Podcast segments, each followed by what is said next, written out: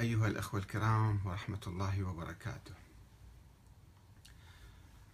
قبل أيام تحدثت عن موضوع العرفان والعرفاء وما يدعى لهم من كرامات ومعاجز وعلم بالغيب وأعمال خارقة لم يكن يقوم بها الإمام أحد من الأئمة أو حتى النبي الأكرم محمد صلى الله عليه وسلم. وقد أثار حديثي هذا عن بعض النماذج الذين تحدثت عنهم امتعاضا لدى بعض الناس واستياء لماذا أنا تهجمت على الشيخ الفلاني. وأنا قلت في حديثي أنني لم أكن أعرف هذا الشيخ ولم ألتقي به ولم أسمع عن العرفان. كنت أسمع عن العرفان ولكن لم أبحث في هذا الموضوع. ولم يعني ألتقي أحدا من العرفاء ممن يدعي على العرفان ولكني قرأت كتابا نسب إلى أحدهم وفيه أشياء عجيبة غريبة. رأيتها أنها مناقضة للمنطق الديني للمنطق الإسلامي والمنطق العلمي والمنطق العقلي. وقلت أننا نحتاج لإنهاض الأمة الإسلامية إلى الاعتماد على القرآن الكريم وعلى العقل وعلى العلم لكي نبني حضارة معاصرة توازي أو يعني تكون أقوى من الحضارات القائمة اليوم في هذا العالم التي تقوم على العقل وعلى العلم. كثير من حضارات العالم اليوم في الشرق والغرب لا تؤمن بالله تعالى ولا تقوم على الدين ولا تعترف بالقرآن الكريم ولكنها تقوم على المنهج العقلي والمنهج العلمي. فإذا جئنا نحن وادعينا أننا نريد أن نعيد بناء الحضارة الإسلامية. ونبذنا المنهج العقلي ونبذنا المنهج العلمي ونبذنا حتى المنهج القرآني. باسم بعض الخرافات والأساطير التي يروجها من يدعي العرفان ومن يدعي التصوف ومن يدعي الولاء لهذا أو ذاك فماذا سنحصل؟ سوف نخسر الدنيا والآخرة لأننا نكون قد خربنا المشروع الإسلامي كما آه، خرب المتطرفون الدواعش الإسلام شوهوا صورة الإسلام بالعنف والقسوة والإرهاب بحق جميع الناس حتى المسلمين وحتى آه، أبناء الدواعش أنفسهم.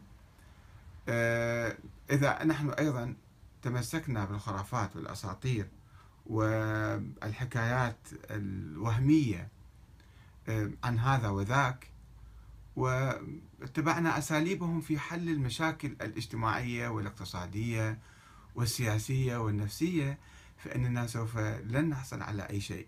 بالعكس سوف نزيد هذه المشاكل ونتدهور آه، أكثر فأكثر قلت في مقدمة حديثي آه، ذلك اليوم عن العرفان ما هو العرفان؟ من هم العرفاء؟ هل هم صوفي شيعة أم دجالون يدعون الغيب؟ وضربت مثلا بشيخ معين ولا أريد الآن أن أعيد آه، تسميته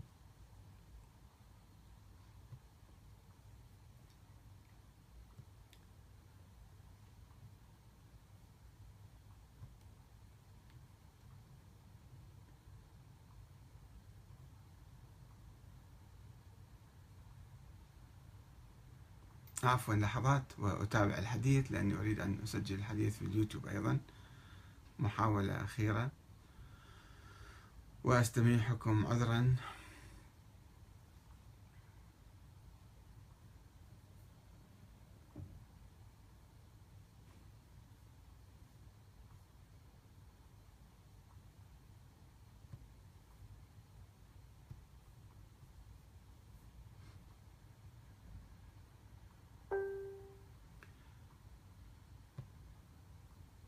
حال يبدو أيضا محاولتنا آه هذه المرة أيضا فشلت ونحاول أن إن شاء الله نستمر معكم آه طيب قلت ما هو العرفان؟ ومن هم العرفاء؟ هل هم صوفي الشيعة أم دجالون يدعون الغيب؟ وضربت مثلا بأحد المشايخ الذي توفي قبل سنوات آه، وما كتب عنه بعده ولا أدري بالضبط هل كان هو ذلك الشيخ يعرف هذه الأمور أو يؤكدها أو يعترف بصحتها أم أنها نسبت إليه من بعض الأنصار وبعض المساعدين أو المحبين له. والآن أحاول أن أضرب المثل بنفسي. إذا جاءكم شخص وقال لكم أحمد الكاتب ولد سنة كذا وتوفي سنة كذا وقام بمعاجز كثيرة كان يعلم الغيب كان يداوي المرضى بهذا الأسلوب كان يحل المشاكل الاجتماعية والقضايا الفكرية بهذه الطريقة بالمنامات والأحلام والظنون والشبهات هل تصدقون هذا الكلام؟ هل تصدقون هذا الكلام؟ المشكلة أنه إحنا عندنا يعني آه، بعض الناس البسطاء الذين يصدقون بسرعة يقول ثقة حدثني أو فلان عالم أو هذا شيخ معمم أو هذا مرجع مثلا يسمى مرجع مثلا. ويطلقون عليه آه، مختلف الألقاب آية الله العظمى المرجع الأعلى زعيم الكذا وكذا وهو آه، قام بكذا وكذا. ينسبون روايات إلى ناس آخرين بروايات حسب علم الدراية والرجال أنها مقطوعة أو مرسلة أو ما فيها سند أو سندها ضعيف ولكن الناس يصدقون. عندما تنتشر هذه الرواية تصبح كأنها آه، يعني متواترة. يقول هاي متواترة الناس كلهم يعرفون هذه الأمور. طيب كيف أصبحت متواترة؟ ما هو معنى التواتر؟ هل إذا كررت الرواية عدة مرات ومن عدة أشخاص تصبح هذه الرواية متواترة وأكيدة ولا شك فيها أم يجب أن نعرضها على العقل؟ نعرضها على القرآن الكريم نعرضها على العلم. هل نعقل أن إنسانا مثلا مهما بلغ به التقوى والورع والزهد الأرض تطوى له. يسافر آه، عبر المسافات والدول والمدن آه، لا حدود ولا ولا محزنون آه، فقط بطي الأرض. لو جاءكم أحد وقال أحمد كاتب يسافر بالهواء يطير في الهواء وينتقل من لندن إلى بغداد مثلا أو إلى النجف هل تصدقون هذا الكلام؟ هذا أشياء غير معقولة. مع الأسف أقول بعض الناس المؤمنين البسطاء السذج يصدقون هذه الأمور. وبالتالي يقعون في مطبات كبيرة ومشاكل كثيرة. من الواضح أن أمتنا الإسلامية تعاني من التخلف على أكثر من صعيد فهي تعاني الفرقة الطائفية والاستبداد والظلم والجهل والخرافة والابتعاد عن القرآن الكريم والعقل والعلم وهو ما يدعونا إلى القيام بثورة ثقافية وفكرية وعلمية وروحية وأخلاقية تعيد توحيد المسلمين وتحريرهم وتضعهم على سكة التقدم العلمي والحضاري. وبالطبع يفترض أن تقوم الحوزات العلمية والمعاهد الدينية بهذه الثورة الحضارية الشاملة ولا شك بوجود محاولات جادة من كثير من العلماء والمحققين والمفكرين للقيام بذلك. وإن لم تكن محاولاتهم بالمستوى آه، المطلوب من حيث الإنتاج والتأثير. وذلك بدليل حجم الكوارث والآلام والمشاكل التي تعاني منها أمتنا الإسلامية في مختلف الأصعدة.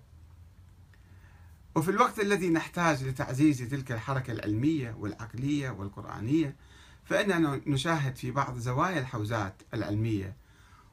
رجالا يسمون بالعرفاء ويدعون العرفان أو أو يدعى لهم معالجة المشاكل الفكرية والثقافية والاجتماعية والسياسية وحتى الصحية والشخصية بطرق بعيدة عن العقل والعلم والمناهج القرآنية الأكيدة. أي بطرق غيبية هي أقرب إلى الدجل والخزعبلات ويذهب البعض منهم إلى ادعاء المعاجز وعلم الغيب وقراءة ما في النفوس مما لم يدعه النبي الأكرم محمد صلى الله عليه وآله وسلم ولا أئمة أهل البيت عليهم السلام. ومع ذلك يزعم هؤلاء العرفاء بأنهم يسيرون على نهج النبي وأهل البيت تماما كما يفعل الصوفية من أهل السنة. وقد رفضت مدرسة النجف الأشرف هذه الطريقة العرفانية وحاربتها بشدة لأنها خرافية ولكنها الآن تنتشر في بعض زوايا المدارس في العالم الإسلامي هنا وهناك. وأنا ما أريد أعيد الكلام الذي تحدثته في الحلقات السابقة ولكن أريد أضرب بعض الأمثلة مما ينسب لهذا العالم وذاك آه، أنه كيف كان آه، آه، يعني يحل المشاكل وكيف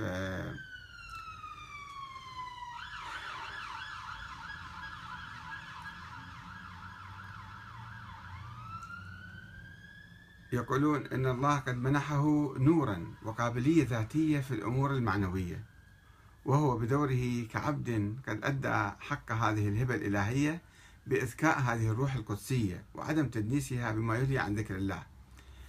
إيه، في أحد الأيام أرادت أخته ولا أريد أن أذكر اسمه ولا اسم أخته أن تقوم برفقة عدد من نساء المدينة بزيارة أحد مراكز أبناء الأئمة القريبة من مدينتهم. فاصطحبت معها هذا الطفل اللي راح يصبح في المستقبل عارف وكذا آه، وكذا. وتوجه معا إلى زيارة المركز الطاهر وهناك كانت توجد حصات لاحظوا؟ لاحظوا الأسطورة والخرافة واللعب على عقول الناس. توجد حصات بالقرب من الضريح المبارك. معروف عنها. من يعرف ذلك؟ الله أعلم. معروف عنها أنها ما من زائر دعا عندها عندها الحصواية. إلا وتمت الإجابة له بالرد أو القبول. وتقدم الطفل ليهمس بكلمات العشق المكنونة في صدره. طفل هو بس عنده أشياء غيبية أيضا. هل سأتأشرف بزيارة كربلاء؟ فتحركت الحصاة في كفه إعلانا بقبول الإجابة. رأيتم هذه المعجزة؟ إذا واحد قال لكم أحمد الكاتب جاء وفعل ذلك ماذا تقولون عنه؟ هل هذا إنسان عارف؟ هو طفل بعده. طفل وتحدث المعجزات آه، في يده. آه، هل هذا عارف أم دجال؟ آه، فسأل مرة ثانية وتقدم الطفل فسأل السؤال فتحركت الحصواية. وهذا يدل على المقام المعنوي لهذا الطفل الذي كان يختلف كليا عن باقي الأطفال من هو صغير حيث كان بعيدا كل البعد عما يهونه من ملذات الدنيا الطفولية حتى ما كان يلعب.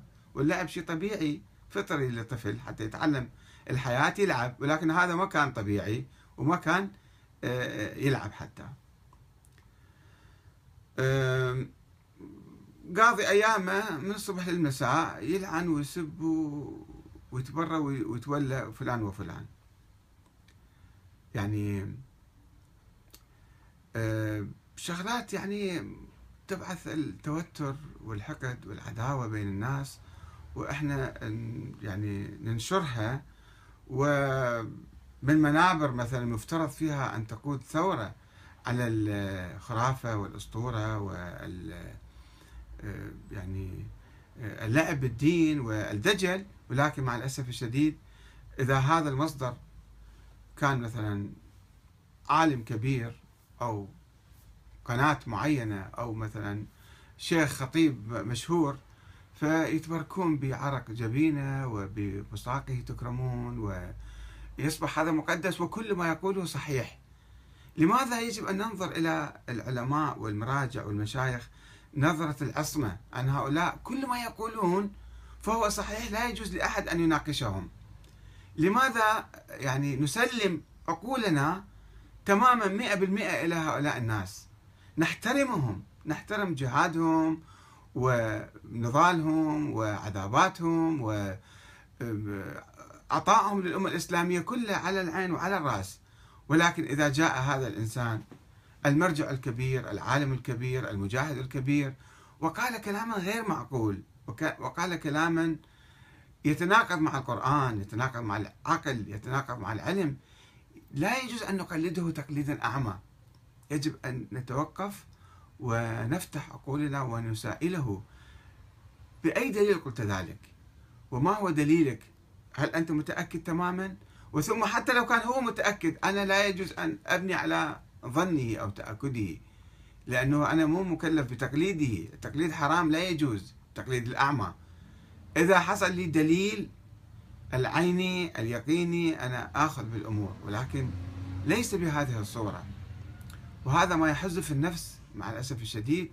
اتصل بي بعض الأخوان وقالوا أنت كيف تتحدث عن فلان شيخ؟ كيف تنتقده؟ طيب افترض ذاك الشيخ أحمد الكاتب. وقال لك ما قاله ذلك الشيخ. هل كنت تأخذ منه هذا الكلام؟ أم تقول له أنت دجال؟ أنت كذاب؟ أنت مدعي؟ أنت تتظاهر؟ أنت آه، يعني تقدم لنا الخرافات وأساطير. لا يجوز أن نقبل من أي إنسان أي كلام. الناس الآن يناقشون في القرآن الكريم يناقشون الأنبياء.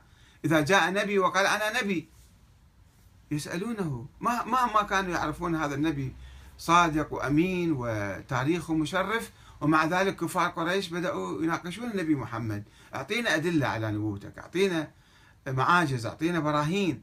والنبي كان يقول لهم معجزتي القرآن. أنا ما أجيب لك معجزة خالدة لأن المعاجز الوقتية يمكن تروح والناس ما يشوفوها وما يصدقون بها ويجون ناس آخرين يكذبوها. كما الآن يكذب مثلا الناس معاجز الأنبياء السابقين. القرآن معجزة الإسلام الخالدة التي آه، يحتج بها الله على الناس في كل زمان وكل مكان. أما يجيني واحد الآن يقول لي أنا عارف وبعدين ما هي النتيجة؟